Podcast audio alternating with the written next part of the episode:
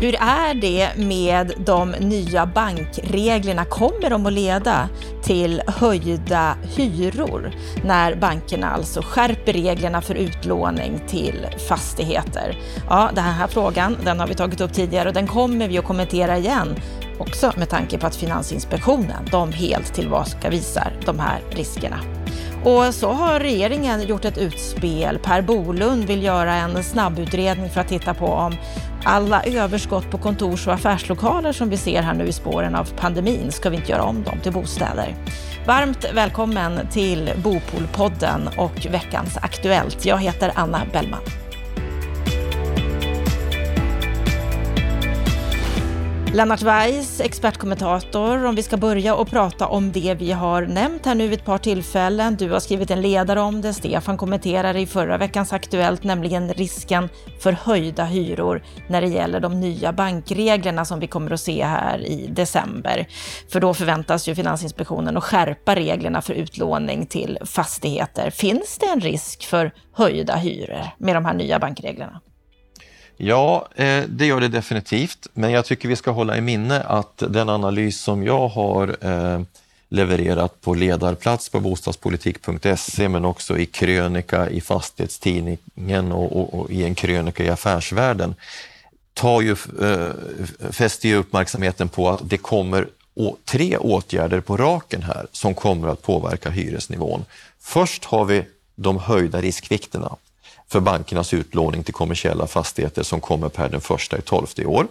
Nästa år med införande i två steg så kommer det en bankskatt som eh, i praktiken kommer att leda till fördyrade kostnader i banksystemet som ju kommer att tas ut på låntagarna. Och sen så kommer det nya regler eh, inom det så kallade Baselregelverket 2023 som till form i stor utsträckning liknar eh, riskvikterna och, och, konsekvenserna för riskvikterna. Och när vi har analyserat de här tre sakerna ihop, eh, och vi, med det, det menar jag eh, Veidekke som har gjort det tillsammans med analysföretaget Evidens och jag har också tagit hjälp av Bankföreningen, så kommer jag fram till att när man lägger de här tre sakerna på varandra, då talar vi om en samlad eh, ränteökningsrisk utan andra makroekonomiska eh, faktorer eh, som så att säga lindrar effekterna utav en, en ökad eh, ränta på ungefär 1 procent. Och det är väldigt mycket. Och då blir frågan, vad innebär 1 procent i hyreseffekt? Ja, då måste man först dela upp det. Vad innebär det för nyproduktionen och vad innebär det för det befintliga beståndet? När det gäller nyproduktionen så har vi dragit det här genom en nyproduktionskalkyl för en nyproducerad trea i Stockholmsområdet och då blir effekten häpnadsväckande 3 000 kronor eh, per månad. Så att en nyproducerad trea utan räntestöd, för det är ju inte aktuellt i, i, i Stockholmsområdet, så talar vi om en hyresökning från ungefär 12 500 till 15 500 kronor per månad. Vi kommer alltså till högre siffror än vad Hyresgästföreningen gör när de räknar på det här. Och I DN så stod det ju att det skulle öka 4 till 500 kronor, alltså ja. betydligt mindre. Exakt, och det, eh, det Martin Hoveberg då på Hyresgästföreningen har gjort i hand, det är att han har räknat bara på effekterna utav riskvikterna och då har han utgått ifrån en ökning eh, utav riskvikterna på ett sådant sätt att ränteeffekten skulle bli 0,03 procent, alltså 30 punkters effekt. För det första så räknar han alldeles för lågt eh, utifrån rent eh, fastighetsekonomiska variabler och för det andra så tar han inte hänsyn till bankskatten och de kommande Baselreglerna. Det Finansinspektionen då säger det är att eh, de tror inte på att effekten på höjda riskvikter eh, kommer att slå igenom särskilt eh, hårt och det är två saker de hävdar. För det första så kommer då mer stabila banker att få till följd att upplåningskostnaden kommer att minska. Och det har jag kollat med representant för bankväsendet och det är det ingen som tror på därför att riskerna i, den kommersiella fastighetssektorn, framförallt när det gäller hyresbostäder, är ju så låg redan idag så att räntepåslagen är väldigt låga, riskpåslagen är väldigt låga. Och det andra argumentet att många större fastighetsbolag kan agera på obligationsmarknaden är ju bara sant för de allra största bolagen som kan operera på den. Och för andra så råkar det ju vara så att även de som är på obligationsmarknaden jobbar med en kombination av bankkapital och obligationskapital. Så att, det kommer att, att vi kommer att få en effekt på räntorna, låneräntorna ut mot fastighetsbranschen, det är helt uppenbart. Jag kan säga så här att eh, Jag såg att Bankföreningen räknade med effekter på, på 40 till 50 punkter som en effekt utav riskvikterna. När jag har haft bakgrundssamtal med en av de eh, stora bankerna i Sverige så tror man att effekten kommer att bli 70 till 100 punkter, helt enkelt därför att den är, ska vi säga, är risk, det riskpåslag som bankerna har idag för, för befintliga riskvikter, de, de, de riskpåslagen kommer man ju inte förändra, menar man från bankens sida. För det skulle ju innebära att deras avkastningskrav minskade. Och då har jag ställt frågan till ett par personer då som, som finns inom banksektorn. Kommer ni att eh, minska era avkastningskrav? Nej, det kommer vi självklart inte göra, utan vi kommer ju transportera ökade kostnader ut mot marknaden. Så att vi kan alltså räkna med större effekter än vad Finansinspektionen säger och jag är också tämligen säker på att det här kommer att få ett stort genomslag på nyproduktionen och det kommer även successivt att få konsekvenser för hyrorna i beståndet. För det, är ju, för det man ju förhandlar om i de årliga förhandlingarna mellan fastighetsägare och eh, Hyresgästförening, det är ju alla typer av kostnader där de finansiella kostnaderna är en del av det som man så att säga sätter hyran utifrån. Så det, det här kommer det bli större konsekvenser än vad vi tror idag. Det är Anders Kvist som är senior rådgivare till Finansinspektionen. Det han säger i Dagens Nyheter-artikeln det är att han tror inte att det här kommer att leda till inställda byggprojekt. Det här är en relativt marginell företeelse, säger han där. I beslut om man ska bygga bostäder eller fastigheter så är det så oerhört många andra faktorer som spelar en större roll. Ja, det är, exakt, men, men jag ta det som ett eh, bevis på att de inte har dragit den här frågeställningen genom en fastighetsekonomisk kalkyl.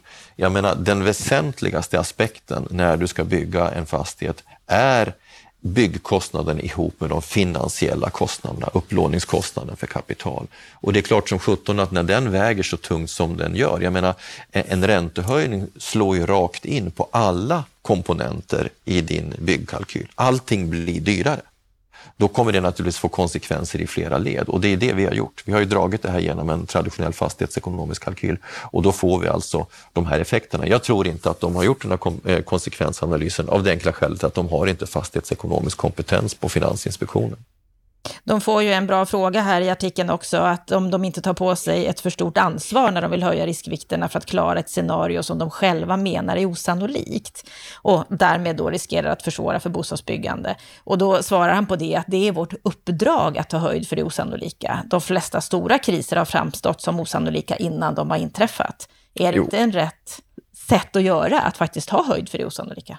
Ja, men som jag brukar säga i debatten om, om kreditrestriktioner för hushållen, om man ska få någon typ av ordning i den här typen av diskussion så måste man ju utgå från objektiva kriterier. Och, och, och, till objektiva kriterier så pratar vi alltså om belåningsgrader, om säkerheter, om återbetalningsförmåga etc. Och tittar man på den sortens objektiva eh, kriterier så är det ju så att Eh, den kommersiella fastighetssektorn. Den har inte mått så här bra på flera år som den gör idag. Belåningsgraderna har ju gått ner, solvensgraden har ökat.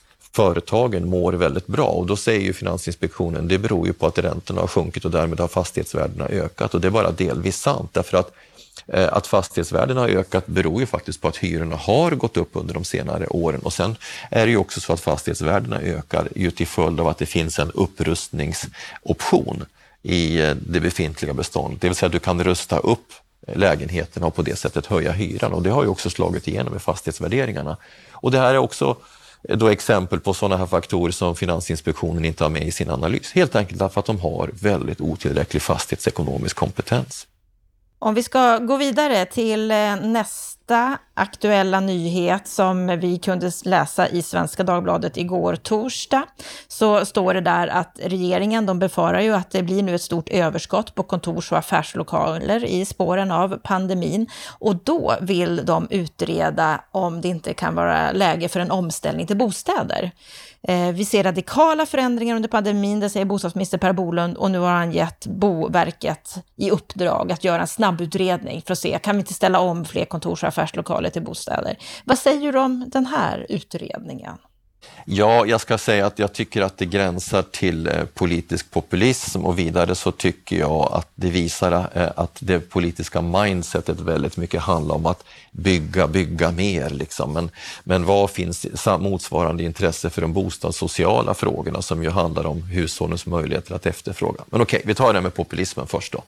Alltså, jag tycker att eh, det är eh, väldigt egendomligt hur man med utgångspunkt ifrån det akuta skede som vi är inne i just nu med pandemin kan tro att man kan dra långsiktiga slutsatser. Det är ju helt korrekt att just nu så, så har vi liksom stora effekter på kontorsmarknaden. Det är ju ingen som beställer nya kontor i det läget som vi är nu. Men jag kan ju säga så här att jag, jag, jag, jag har inte kunnat hitta en enda person i näringslivet som inte sagt att de verkligen längtar efter att personalen ska komma tillbaka till jobbet. Det vill säga vi längtar efter att komma tillbaka till ett normaltillstånd. För även om vi har lärt oss jättemycket kring det här med Teams och så och har lärt oss att ha digitala möten så tror inte jag alls att efterfrågan på kontor där vi möts fysiskt, där vi löser saker eh, öga mot öga och där vi har sociala kontakter kommer att minska. Det som möjligen kommer att minska som en följd av pandemin tror jag, det är resebenägenheten. Det vill säga vi kommer ha mera möten på distans istället för att eh, sätta oss på flyget och åka till Malmö eller Göteborg eller vice versa till Stockholm för att ses. Det tror jag, men däremot så tror jag inte att eh, vi kommer att se en varaktig strukturell förändring när det gäller efterfrågan på kontor för företag. Möjligen kommer vi tränga ihop en del, men ursäkta mig, varför behöver regeringen tillsätta en utredning om det? Det här är ju någonting som varje fastighetsbolag analyserar inom ramen för sina affärsmässiga bedömningar. Och, och, och, ser man att det finns ett överutbud av bostäder, då kommer man ju helt spontant att titta på konverteringsmöjligheter. Det behövs ingen statlig utredare för det. Det är där jag menar att det gränsar till politisk populism. Det finns inget behov av en sån utredare. Han försöker bara plocka enkla poäng menar du? Ja, han försöker plocka enkla poäng, för det, har, det, har, det där har varit liksom ett politiskt tema i 30-40 år, från förut Stockholmspartiet och sen Miljöpartiet, att låt oss omvandla kontor till bostäder, för det, är liksom, det låter bra och, och, det låter bra mot den allmänna opinionen att säga att nu, nu kommer vi att skapa fler attraktiva bostadslägen där det ligger kontor i, idag, speciellt i, i citylägen. Men eh, det här löser liksom inga väsentliga problem på bostadsmarknaden. Om det finns behov för enskilda fastighetsägare att konvertera kontor till bostäder, då gör de det utan att Boverket har åsikter om det. Och att det skulle leda till de volymer som skulle leda till någon sorts förändring på bostadsmarknaden i balansen mellan utbud och efterfrågan, det tror jag inte alls på.